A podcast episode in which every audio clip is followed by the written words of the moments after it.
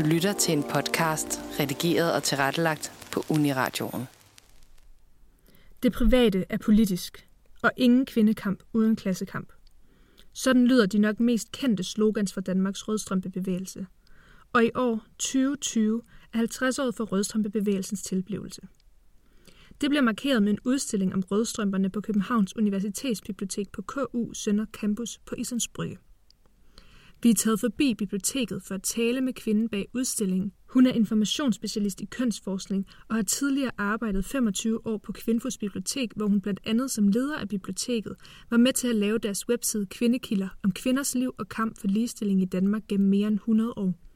Og så har hun ifølge hende selv læst alt, hvad der findes inden for området. Jeg hedder Jytte Nielsen, og jeg er informationsspecialist i kønsforskning på det Kongelige Bibliotek. Og øh, det, jeg mest bruger min tid på i øvrigt, det er at øh, vejlede studerende i kønsforskning, besvare forespørgsel, hjælpe BA-studerende og speciale studerende. Og derudover så øh, har jeg mulighed for at lave nogle særlige ting. I år er det jo 50 år for Rødstrømbevægelsen, og øh, da jeg, det gik op for mig, så tænkte jeg, at det skal vi gøre noget ud af.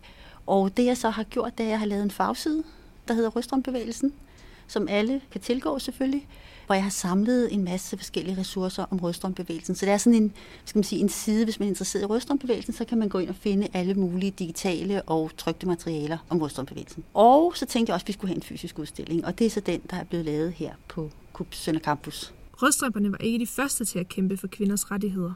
I 1871 blev Dansk Kvindesamfund oprettet, og i 1915 sker der en grundlovsændring, der giver kvinder valgret i Danmark. Og så, 100 år efter oprettelsen af Dansk Kvindesamfund, begynder kvinderne igen at røre på sig. Jytte Nielsen fortæller, hvad der adskilte rødstrømperne fra den tidligere kvindebevægelse.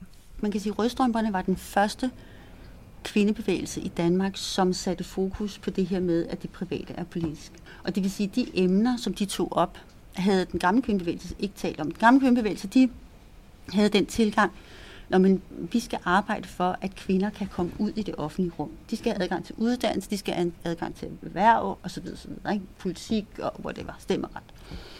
Men det her med at i talesætte, hvad der foregik i familien for eksempel, eller private erfaringer med krop og sådan noget, det gjorde de ikke. Det er Rødstrøm de første til at gøre, ikke? og derfor fylder seksualitet, krop, vold, de her ting kommer for, altså faktisk for første gang på dagsordenen. Og det er jo det, er jo det, det hele handler om i dag også. Ikke?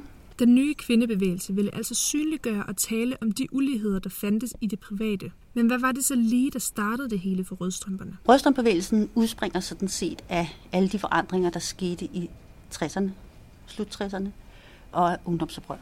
Og i 1970, 8. april for at være helt præcis, der er der 13 kvinder, der går ned ad strøget. De har klædt sig ud, de har klædt sig ud som karikaturer af sådan det traditionelle kvindeideal går de op og ned i strøget med sådan nogle banner. Så kommer de til rådhuspladsen, og så affører de sig alle disse attributter og smider dem i en papirsæk. Og det bliver ligesom starten. Så ugen efter eller ugen efter igen, så indkalder de sig til et møde på Charlottenborg, og der kommer så 200, og så er vi ligesom i gang. I de første par år, der fylder aktionerne rigtig meget. De laver sådan nogle aktioner rundt omkring i byen, og det, jeg skal sige, at de, de første år, der er Rødstrømbevægelsen københavnsk. Så senere kommer der kvindegrupper i hele landet. Det helt store gennembrud for, for bevægelsen, det bliver i 71, hvor de øh, laver den første femølejr. Jeg tror, der kom omkring 600 mennesker til det første femølejr, øh, som varede i, det varede i seks uger og var totalt kaotisk på alle måder, for de skulle jo også lige lære at lave en femølejr. Det bliver sådan en fantastisk oplevelse for de kvinder, der er med, at da de kommer hjem, så tænker de, det her, det må ikke stoppe. Vi vil være sammen altid. Og så er det, de tager tre huse i Åben Rå. De besætter simpelthen tre huse i gaden Åben Rå her i København og får så det første kvindehus. Og så på et tidspunkt må de droppe huset, men så besætter de selvfølgelig bare et andet. Og til sidst så får de så det, der er kvindehuset i dag, som de får af Københavns Kommune, og som ligger inde i Goddersgade. Og man kan sige, så har de en ølejr, som de gentager hvert år. Den eksisterer stadigvæk. Og så har de et hus, og det er så ligesom omkring det, at aktiviteterne så for alvor kommer i gang. Og så stopper man med, eller nedtoner øh, de der aktioner, og så koncentrerer man sig om det interne, nemlig rekruttere flere kvinder til bevægelsen, lave en, en masse aktiviteter for dem, der er med. Fordi det hele handler jo om at få bevidstgjort kvinder om, at de lever i et patriarkalt samfund. Og at det patriarkalske samfund selvfølgelig skal ændres. Ikke? Vi lever i et patriarkalsk samfund, mente rødstrømperne. Og gør vi stadig det, her 50 år efter, når nu vi stadig hæftigt debatterer ligestilling, som det for eksempel ses i den meget aktuelle MeToo-debat. Vi spurgte Jytte Nielsen om, hvad det er, ønsket med udstillingen har været. Det vi jo gerne vil vise med den her udstilling, det er, hvad der sker, når en bevægelse pludselig starter. Altså hvad det er for en eufori, også altså, hvor angstfremkaldende det er, men også hvor kreativt det hele bliver. Og der er nogle af de her citater, som jeg har fundet. Jeg har stort set læst alt, hvad der er skrevet af rødstrømperne her i, i det forgangne år. Og det er denne her oplevelse af, at man går fra ligesom at være en person til faktisk overnight fuldstændig at skifte syn på alting. Altså, og den der eufori, det er at opdage, at man kan gøre nogle ting sammen, og at verden ligger åben. Altså, det er jo ligesom det der med, at vi kan også se det med MeToo nu, ikke? At der er et masse ligesom tilløb, ikke? Og så lige pludselig, så er det bare ligesom unison, så siger de, nu, nu er det nok. Nu er det nok, ikke? Og så går de i gang med at gøre noget. Og så den der kraft, det giver med, at man er så mange, der går sammen om at gøre noget. Det synes jeg er fantastisk. Lige der, øh, da Sofie Linde havde været ude, så var der jo en masse mænd fra mediebranchen, som sagde, om, ej, det er da forfærdeligt, men det sker ikke hos os. Hos os har vi, der har vi slet ikke noget. Og så gik der jo 14 dage måske, og nu er alle, nu, nu er de alle sammen med på den vogn, ikke? Øh, og nu skal der sandelig også gøres noget ved det. Altså nogle af de samme mænd, som har faktisk har opført sig rigtig dårligt, synes nu, at det er rigtig fantastisk. Der skal, og der skal gøres noget, ikke? Og det kan også godt være, at der bliver gjort noget, men, men altså, forudsætningen for, at, at vi får en forandring, det er jo ikke, at vi får en øh, ny øh, HR-politik, øh, tænker jeg. Det er jo også fint nok, men eller vi får en ny lovgivning. Det handler jo, det handler jo om praksis, ikke? Altså, hvad det er for en kulturel praksis, der så...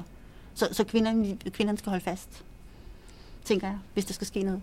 Så forudsætningen for forandring er en ændring af den kulturelle praksis. Hvad er så den store forskel på den debat, rødstrømperne satte gang i i 70'erne, og den debat, der foregår i dag? Nu foregår debatten jo mange steder i dag, kan man sige. Ikke? Men den radikalitet, som rødstrømperne havde, der er ikke så meget radikalitet i MeToo, som der var i rødstrømbevægelsen. Det vil jeg våge at påstå. Det kan da godt være nogle dele af MeToo, ikke? men det har virkelig, det har virkelig slået mig, hvor Altså selv om, om, om kvinder, der har været udsat for, for seksuel chikane, hvor, hvor pænt de på en eller anden måde taler om det. Jeg synes, at, at diskussionen, altså alle kvinder, der deltager i den her MeToo, det her MeToo-oprør, kan ikke undgå at hele tiden blive konfronteret med, om husk nu, det er ikke alle mænd, og har du tænkt på, mm. og hvad sker der for de her mænd, som bliver hængt ud, øh, selvom der er jo ikke ret mange, der er blevet det.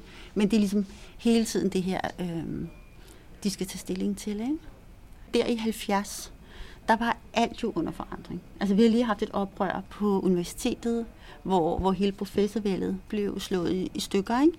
Der var alle mulige afdelinger af ungdomsoprøret, ikke? på alle mulige forskellige. Der var en masse aktivisme i den periode, og en enighed om, uanset om man var øh, feminist eller rødstrømpe, så var man enige om, at der var en masse ting, der skulle ændres. Og det var jo selvfølgelig fordi, at der var sket til kæmpe store forandringer i 60'erne. Pludselig var der et kæmpe økonomisk opsving. Kvinderne kom ud på arbejdsmarkedet. Der var store grupper af unge, der kom på universitetet osv. osv.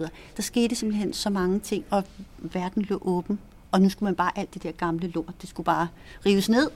Så det var jo, altså man siger, der var sådan et åbent øjeblik, hvor alle mulige autoriteter blev slået oven i hovedet. Det er der jo ikke helt på samme måde. Man kan sige, der er jo selvfølgelig der er jo en klimabevægelse, altså der er nogle forskellige aktivistiske grupper, der er Black Lives Matter og sådan noget, ikke? men det er ikke sådan en gennemgribende. Det kan være, det bliver, men lige nu er det, er det ikke. Så noget er der sket, siden de første rødstrømper marcherede ned ad strøget i 1970. Men hvad skete der med rødstrømperne sidenhen? Rødstrømbevægelsen har jo fået et lidt trist eftermæle. Og i mange år var det jo skældsord at være rødstrømpe. Ikke? Er du rødstrømpe, spurgte folk. Altså selvom det så var 20 år siden, at rødstrømbevægelsen havde eksisteret. Ikke? Og det betyder jo også, at der er jo ikke ret mange i jeres generation, tror jeg, som har haft øh, røstrumbevægelsen som øh, et tema i øh, gymnasieskolen. Så, så jeg tror, at det, der kommer bag på folk, det er, at der faktisk skete så mange ting. Og så også den altså fuckfinger, der blev givet til systemet. En fuckfinger til systemet. Vi vil lade dette være de sidste ord fra Jytte Nielsen, som vi også gerne vil takke rigtig mange gange for at tage sig tid til at snakke med os. Udstillingen om rødstrømperne kan ses på Kub Sønder Campus året ud. Reportagen er tilrettelagt og redigeret af Helene Normand, Emma Klitnes og Johanne Gøtler.